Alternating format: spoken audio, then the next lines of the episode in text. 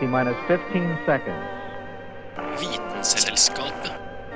T minus 10, 9, 8, 7, 6. We have main engine start. 4, 3, 2, 1, and liftoff. Vitenselskapet. Vitenselskapet på Radio Nova.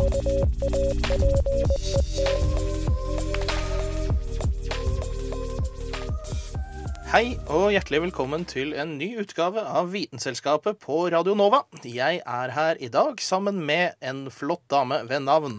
Kristin Grydeland! Woo! Tusen takk for at jeg vil komme inn i studio her i dag. Eh, Jeg gleder meg til å snakke om øyer. Å ja, du tok den, ja. Ja, ja, det er greit. Men det, du skjønner, det jeg og Kristin skal gjøre her i dag, det er å geleide dere gjennom en eh, flott halvtime med vitenskapelige fakta om forskjellige typer øyer. Har du en favorittøy, du, Kristin? Eh, Det kan jeg faktisk ikke påstå. Skal vi se når jeg tenker på alle øyene som jeg kan. Eh, um, Hovedøya? Nei. Langøyene, kanskje. Nå, nå ble det bare Oslofjorden. Gressholmen. Nei, Gressholmen var bedre før, for da var det kaniner der. Og det er det ikke nå lenger. Ah, ja, ja, ja. Ja, Men de hørte jo ikke hjemme der, da. Så det var kanskje fint at noen kom og skjøt dem. Men jeg liker, jeg liker Holmer personlig. Bare at ting heter Holmer. Jeg syns det er fint. Det hjelper oss ikke i dag, fordi i dag så skal det handle om øyer. Og ikke nødvendigvis øyer i Oslofjorden, men eh, andre steder i verden. Gjerne øyer preget av at det er litt mer interessant ved dem enn at de ligger i vår umiddelbare nærhet. Det er helt korrekt. Jeg heter eh, Dag Leo Magnussen, har meg Kristin Grydland, og du hører på Vitenselskapet.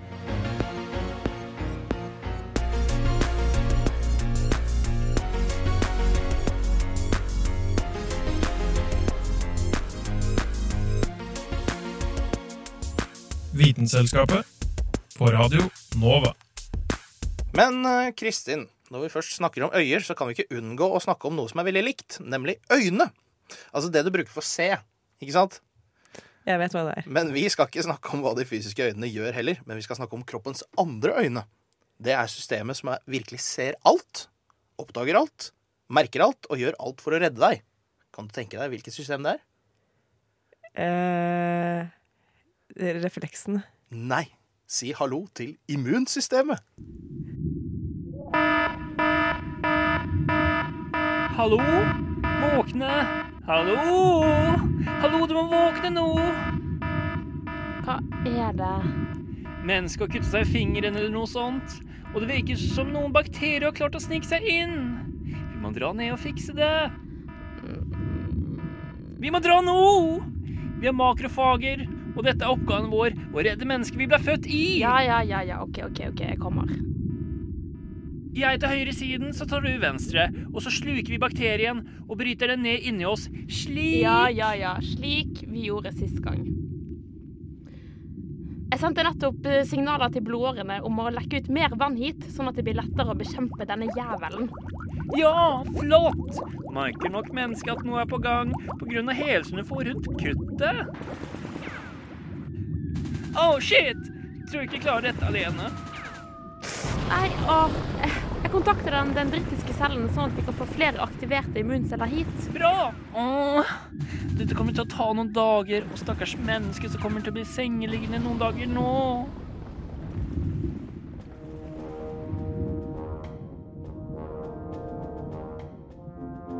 Si hallo til den dendrittiske cellen, som er en av den viktigste antigenpresenterende cellen. Jobben til denne cellen er å samle opp prøver fra bakterien. Den deler opp bakterien og etterlater kun en liten del av den på overflaten sin, altså antigener. Deretter går cellen ut på en ca. én dagers lang reise til den nærmeste lymfeknuten i kroppen. Her i lymfeknuten finnes det milliarder av andre immunceller, nemlig T-celler. Dette er en gruppe bestående av hjelpe-T-celler og drepe-T-celler, som bare venter på å bli aktivert, sånn at de kan utføre jobben sin. Den dendritiske cellen, som har en liten bit av bakterien på seg, møter T-cellen og aktiverer den. Da starter en reaksjon som produserer mange aktive T-celler som skal bli med i krigen som skjer akkurat nå. I tillegg så vil det også bli produsert noen hukommelses-T-celler som lagres, og som gjør deg praktisk talt immun mot akkurat denne bakterien som er i kroppen din nå. Hjelpe-T-celler vil nå vandre videre inn i lymfeknuten og aktivere en annen type immuncelle, nemlig B-cellen. Etter dette øker B-cellene i antall, og det blir produsert hukommelses-B-celler og masse, masse antistoffer, som er helt spesifikk for akkurat denne typen infeksjon, altså helt spesifikk mot denne typen antigen. Du har vel kanskje merket at du får hovne mandler når du er syk? Vel, dette er pga. den store masseproduksjonen av immunceller som skjer her. På dette tidspunktet i en infeksjon er populasjonen av bakterier ganske stor, og du føler deg egentlig skikkelig dritt. Men etter masseproduksjon av spesifikke immunceller og antistoffer, vandrer de så tilbake til infeksjonsstedet. Drepe-T-celler dreper infiserte celler. Antistoffer binder seg til bakterier og gjør det enklere for bl.a. makrofager å spise de. Og hjelpe-T-celler mater de andre immuncellene, sånn at de skal holde kampånd oppe. Denne typen krig mot bakterien er mye mer effektivt og kraftfull enn tidligere. Fordi immuncellene har blitt produsert på bakgrunn av kun akkurat denne bakterien, og er med andre ord ekstremt spesifikke. Og plutselig er du frisk. Neste gang du kutter deg og den samme bakterien går inn, så vil ikke dette her skje. Dette er fordi under den første krigen ble det også produsert hukommelsesceller som er spesifikk for akkurat denne type infeksjon. Og disse kommer til utsetning mye raskere, siden de husker hvordan denne bakterien er, og du blir friskere mye raskere, eller mest sannsynlig ikke syk i det hele tatt. Det er dette som også er bakgrunnen for vaksinering. Man starter denne utdanningen av hukommelsesceller med første vaksinasjon. Slik at når smittestoffet man er vaksinert mot, kommer inn i kroppen din, sitter hukommelsescellene dine klar for å bekjempe smittestoffet med en gang. Og du merker ingenting av sykdom, siden disse er mye mer spesifikke og kraftfulle enn alle de andre immuncellene. Og vær så god, du er herved immun mot en sykdom. Hilsen Immunforsvaret. Og denne saken eh, om immunsystemet ble laget av Anna Vik Rødseth. Er du glad i ditt immunsystem, Kristin? Jeg er veldig glad i mitt immunsystem. Ja, det tar, tar vare på deg og knekker det meste. Det har hjulpet meg med å overleve hittil. Det, det er no small feat. Jeg har sett hvordan du lever. og hvor, og hvor ja. Mm.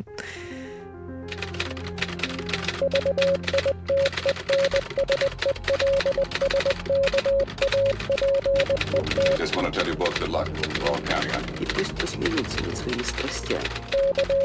Ведь то, что они называют страстью, на самом деле не душевное, Vitenselskapet а лишь трение между душой и внешним миром. knekker vitenskapens koder. Good job. I dag er jo tema øyer, Kristin. Og vi har eh, en kollega som heter Dag Dramer. Og han har også laget en sak om øyer. Kan du tenke deg, Er det noe spesielt med disse øyene han har laget om, tror du? Vel, eh, som jeg kjenner Dag Dramer, eh, så vil jeg tro at det her er snakk om dinosaurøyer. For du vet hvordan folk var veldig opptatt av dinosaurer når de var veldig små. Vel, Dag slutta jo aldri å være den lille gutten som var opptatt av dinosaurer. Så jeg tipper dinosaurøyer på et eller annet vis. Ja, og det, det er jeg veldig spent på å få høre. Hva er på en måte dinosaurer Svømte de over, da? Hva er dinosaurers forhold til øyer? Er de som andre øyer, eller er de helt egne type øyer? Øyer, disse landmassene omringet av vann, kuttet av fra fastlandet og tilsynelatende isolerte, er ofte hjem til de mest varierte dyrearter. Listen inkluderer, men er ikke begrenset til, Galapagosøyene, Hawaii, New Zealand, Australia og Japan. På disse isolerte, men komplekse øylandskapene får ofte en unik flora av fauna anledning til å utvikle seg, og får et helt eget evolusjonært løp sammenlignet med arter på fastlandet. Nøtteknekkende finker og svømmende iguaner på Galapagos, Vingeløse fugler på New Zealand, for ikke å snakke om øykontinentet Australias absurde fauna, som inkluderer nebbedyret, koalaen og kenguruen. Dyr som ikke har sin like noen andre steder i verden. Lignende ting må ha skjedd også da dinoene utviklet seg. For når arter isoleres, kan de merkeligste former tre frem for å fylle den nisjen det er på en øy. En kjent dinoøy som kan nevnes, er Ila Nubla, der eh, John Hammond bygget sin berømmelige Jurassic Park. Men dessverre er det fiksjonelt. Fun fact, Jurassic Park ble delvis filmet på nettopp en av de ovennevnte øyene, rik som den er på flora som minner om juratidens fuktige skoglandskap, nemlig Hawaii. Vi kan jo nevne i den forbindelse øyers mytiske kvalitet. Og det er mange legender, fortellinger og historier, mange av dem uten rot i den vitenskapelige virkelighet, som taler om fortidsdyr som kan ha overlevd på steder som er vanskelig tilgjengelig. Sånn som nettopp øyer. En form for vannøy er nettopp Skottlands Loch Ness, en innlandssjø som lenge var ryktet å være hjem til Loch Ness-monsteret, Nessie, som nettopp var spekulert om var en form for svaneøgle, altså et fiskeetende akvatisk reptil med en karakteristisk lang hals og luffer. Til den dag i dag vet vi ikke om Nessie eksisterer, men det vi vet er at hun mest sannsynlig ikke gjør det, for hvis hun gjør det, må hun være fryktelig ensom. Da både fiskeøglene, svaneøglene og flyveøglene, hennes reptilianske slektninger, døde under den kataklysmiske hendelsen som også drepte dinosaurene. Men la oss gå tilbake til de vanlige fastlandsøyene. Gjennom geologien vet vi at landmassene på jorda under dinotiden var markant forskjellige fra det de er i dag.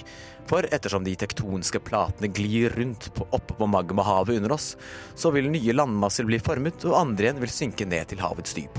Magma pipper opp og størkner og danner nye øyer. Minst et par ganger i jordas historie har faktisk alle landmassene på jorda klumpet seg sammen til én stor landmasse, som kalles superkontinent.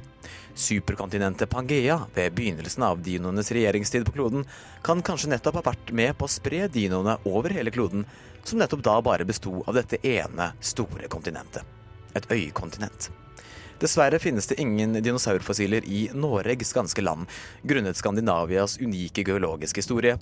Var det ingen fortidsspeis som vandret rundt her i fordums tid. Men på Svalbard, vår kjære nordlige øy, har man både funnet fiskeøgler og fotspor av dinoer. Som den store planteetende dinosauren iguanodon. Svalbard, som gjennom politiske konvensjoner i dag hører Norge til, har faktisk en litt annen geologisk historie enn fastlandet, og følger da øyers rebelske natur. Og takket være det har vi norske dinospor. Svalbard, Nordens svar på Jurassic Park. Som vi var inne på i stad, Kristin, mannen bak bydelen Bergs ofte hørte T-rex-brøl og Triceratops grynt. Han heter altså Dag August Schmeling Dramer.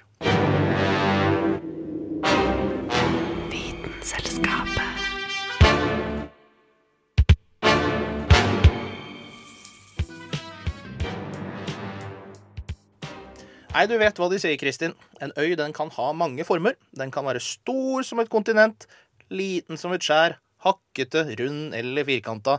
Men i det minste er det sånn at hvis vi plotter den inn på et kart, så vil den være der når vi kommer fram. Ja, de fleste av dem i alle fall.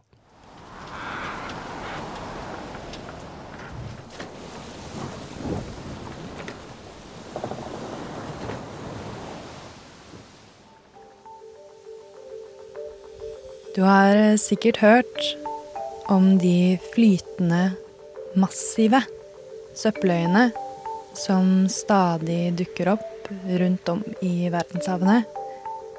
Som følge av vår forsøpling av og søppeldumping i sjøen. Men har du hørt om den vandrende steinøya?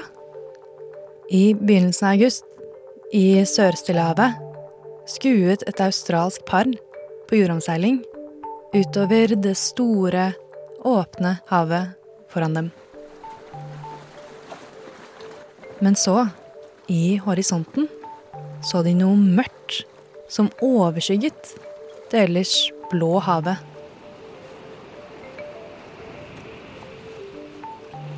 Flytende mot dem var en stor masse, nærmest som en gigantisk flåte av svart stein flytende mot dem. Steinene, noen på størrelse med klinkekuler, andre på størrelse med fotballer, er ifølge NASAs Earth Observatory pimpstein.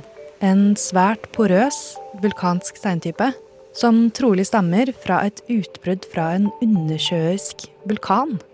Grunnet deres letthet og da porøsitet har pimpsteinen flytt opp mot overflaten og lagt seg som et mørkt teppe på størrelse med Manhattan, eller 20 000 fotballbaner, over havet. Vulkanutbrudd forbinder vi ofte med ganske krise. Du husker kanskje da en rekke vulkanske utbrudd ved en isbre på Island i 2010 spøy ut en massiv askesky som satte flytrafikken i hele Nord-Europa på bakken i lang tid. Og eh, trenger jeg det hele tatt å nevne Pompeii? Men i motsetning til slike vulkanutbrudd og de dystre søppeløyene er ikke dannelsen av denne steinflåta, eller eh, steinøya, et noe sjeldent syn som kun inntreffer omtrent én gang i tiåret, nødvendigvis alarmerende. Snarere tvert imot. Drevet av havstrømmene og vinden er flåta forventet å nå Great Barrier Reef i Australia i løpet av det neste året. Området, som er verdens største korallrev, har blitt svært nedbrutt som følge av klimaendringene. Den økte temperaturen i vannet og stadig hyppigere varmebølger har fordrevet de næringsrike organismene fra korallcellene. Og som et resultat av dette blekner og dør korallrevene. Noe som igjen skaper en rekke negative ringvirkninger på resten av det som har vært et svært mangfoldig og viktig habitat rundt dem. Men ifølge geologer kan denne vandrende steinøya bidra svært positivt til Great Barrier Reefs økosystem. På sin ferd over Stillehavet vil marine dyr og planter som bløtdyr, alger og koralldyr feste seg til og bosette seg inne i de mange kriker og kroker i de porøse steinene. Til slutt vil steinene bli fylt opp med nok vann til at de synker ned mot havbunnen. Men de vil da samtidig ta med seg disse organismene og lager en ny base der et nytt habitat for koraller og andre organismer kan formere seg.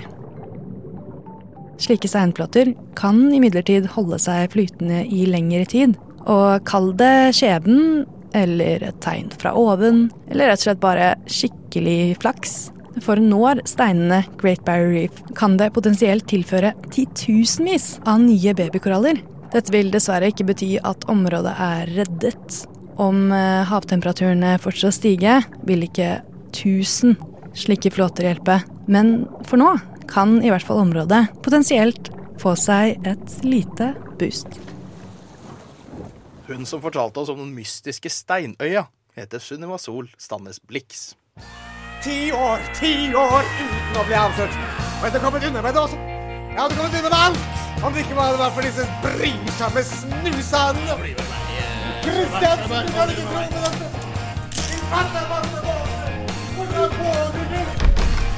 Vitenselskapet hever forskningen, senker svindlerne.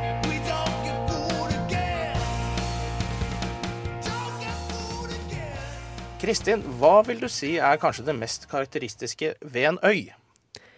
Vel, det vil jeg si at den er omgitt av vann på alle kanter. Ja, det, det er jo helt riktig. Jeg har jo ikke noe å utsette på det svaret. Og dette vannet det kan jo selvfølgelig være en enorm ressurs. Men det kan også bli en utfordring hvis vannet stiger. Vi har nok alle hørt om legenden om Atlantis. Kongeriket som forsvant under havet. Men visste du at det faktisk finnes øyer som har forsvunnet helt under havet? Noen av dem var bebodd av mennesker, neandertalere og dyr. Havet stiger hele tiden, spesielt pga. klimaendringer. Og et av de kanskje mest kjente landmassene som har forsvunnet under havet pga. stigende havnivå, er Doggerland. En stor landmasse på 750 000 kvadratkilometer som en gang lå mellom England og Europa for ca. 6000 år siden. Her bodde det mennesker i flere tusen år. Landmassen er til og med trodd å ha knyttet England til fastlandet i Europa. Her bodde mennesker og neandertalere sammen. Dessverre finnes ikke øya lenger. Der den en gang lå på kartet, er det nå en sandbank under vann kalt Doggerbank, som nå er kjent som et fruktbart fiskeområde. Et av tegnene vi har på at det har vært liv midt ute på havet, er knokler som noen av disse fiskebåtene har dratt med seg opp fra havbunnen. Det viste seg at disse knoklene tilhørte et menneske og en ku. Begge var over 11 000 år gamle. I samme område har det til og med blitt funnet mammut- og løverester, i tillegg til forskjellige verktøy de trolig kunne ha brukt. Det er klart at menneskene her var jegersankere og hadde mange dyr å ta av, både på land og på vann.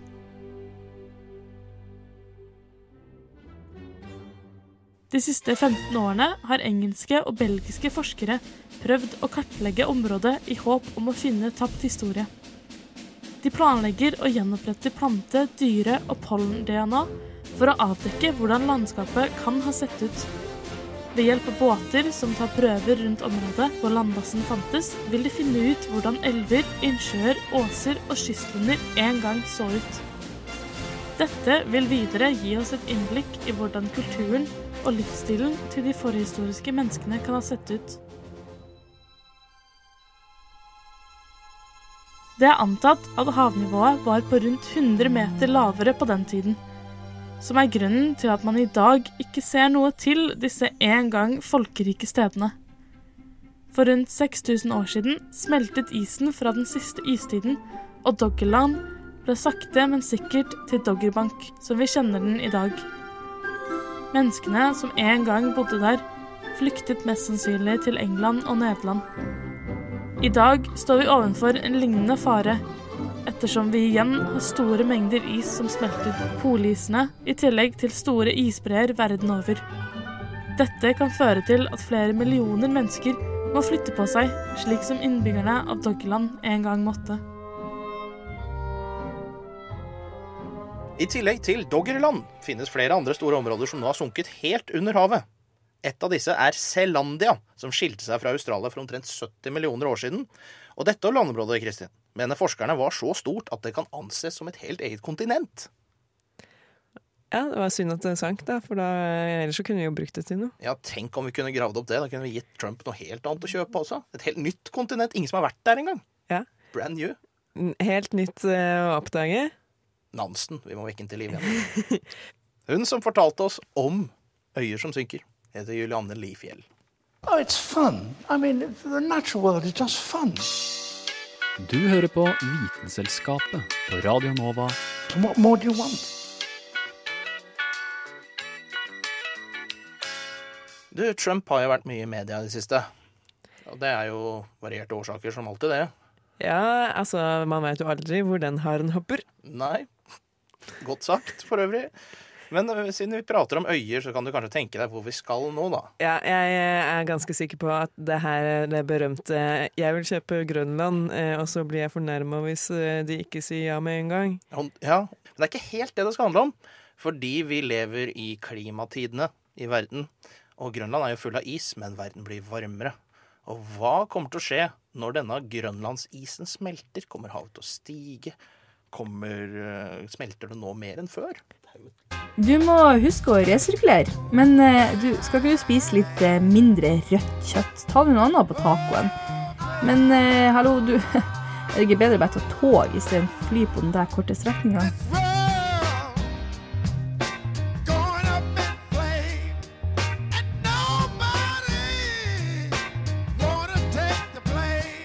Miljøskammen kryper inn på deg, og det er så mange konsekvenser at du kanskje blir helt overvelda. Det er så mange regler, og noen mener kanskje at det er å overdrive, mens noen også mener da at det som skjer nå i naturen, er jorda sin naturlige syklus, som da påvirker havnivået og temperaturene. Og selvfølgelig, jorda sin syklus har jo noe å si, den også, men hvordan skal vi egentlig forklare at den sommeren som var nå, så nådde vi den varmeste måneden på jorda som noensinne er registrert? Det begynner kanskje å komme noen hint om at eh, jorda er på tur å ikke bli levelig for oss mennesker. Parisavtalen sier at det ikke skal bli og kan ikke bli mer enn to grader varmere i gjennomsnittstemperatur. Men helst så vil de ikke at vi skal gå over 1,5, for da kan vi klare å beholde jorda sånn noenlunde vi vil ha den, så at vi får til å leve her.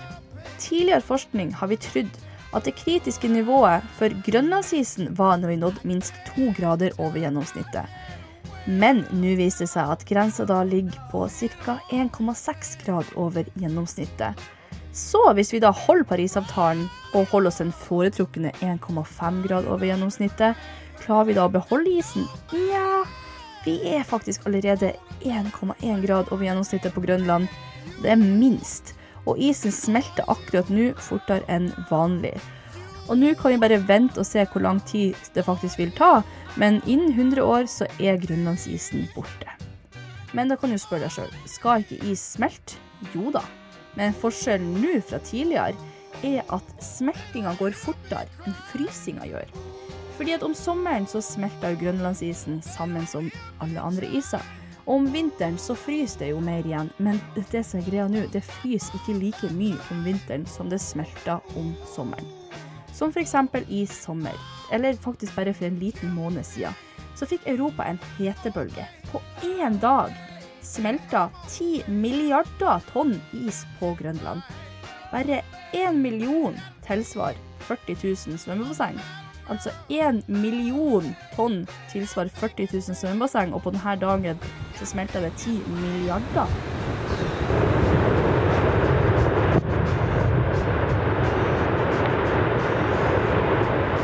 Og da bare i juli i år så bidro denne smeltinga til en halv millimeter havstigning.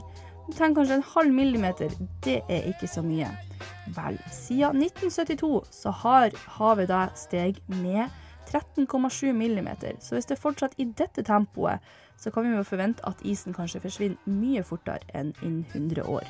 For ja, 100 år er anslått tid.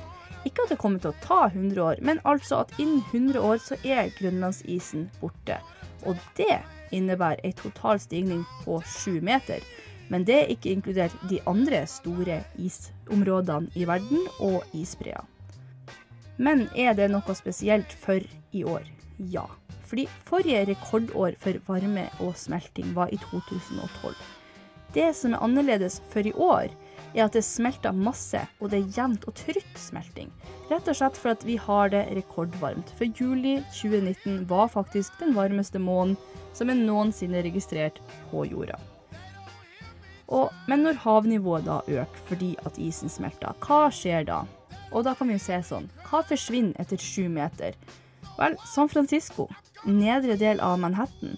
Amsterdam og Venezia har forsvunnet for lenge siden. Det er ganske ujevnt hvilke byer som forsvinner etter hvert, men det vi i alle fall kan si, at det påvirker ca. 40-50 av verdens befolkning, som da må legge på flukt.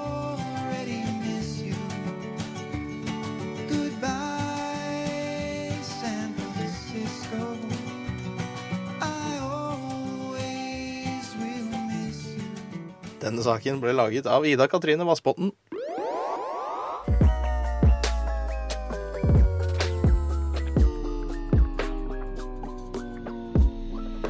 Vitenselskapet. Og med det så setter vi strek for dagens sending om øyer. Jeg vil eh, rette en spesiell takk til deg, Kristin, som deltok i dette, denne lille festen her på Radionova. Det har vært festlig. Har du nå kommet fram til hvilken eh, øy som er din favorittøy? Nei, du har ikke gitt meg noe tid til å tenke på det, for jeg trodde at det spørsmålet på en måte var besvart allerede i åpningen. Ja, så du står på hovedøya, altså. Det er helt greit, det.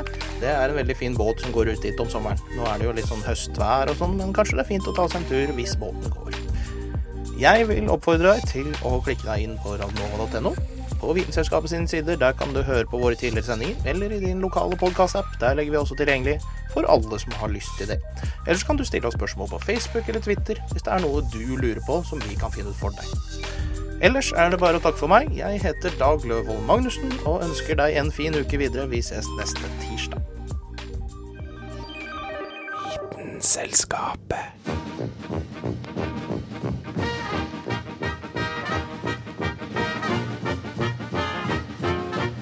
Og jeg har lidd av Ja, først har jeg operert for nyresten, gallesten og blindtarm i buken og svulst i underlivet. Så har jeg hatt tre ganger mavesår og en halvdød skjoldbruskkjertel og syv dårlige skiver i ryggen. Og så har jeg hatt hjerteinfarkt to ganger og angina pectoris én gang og sukkersyke.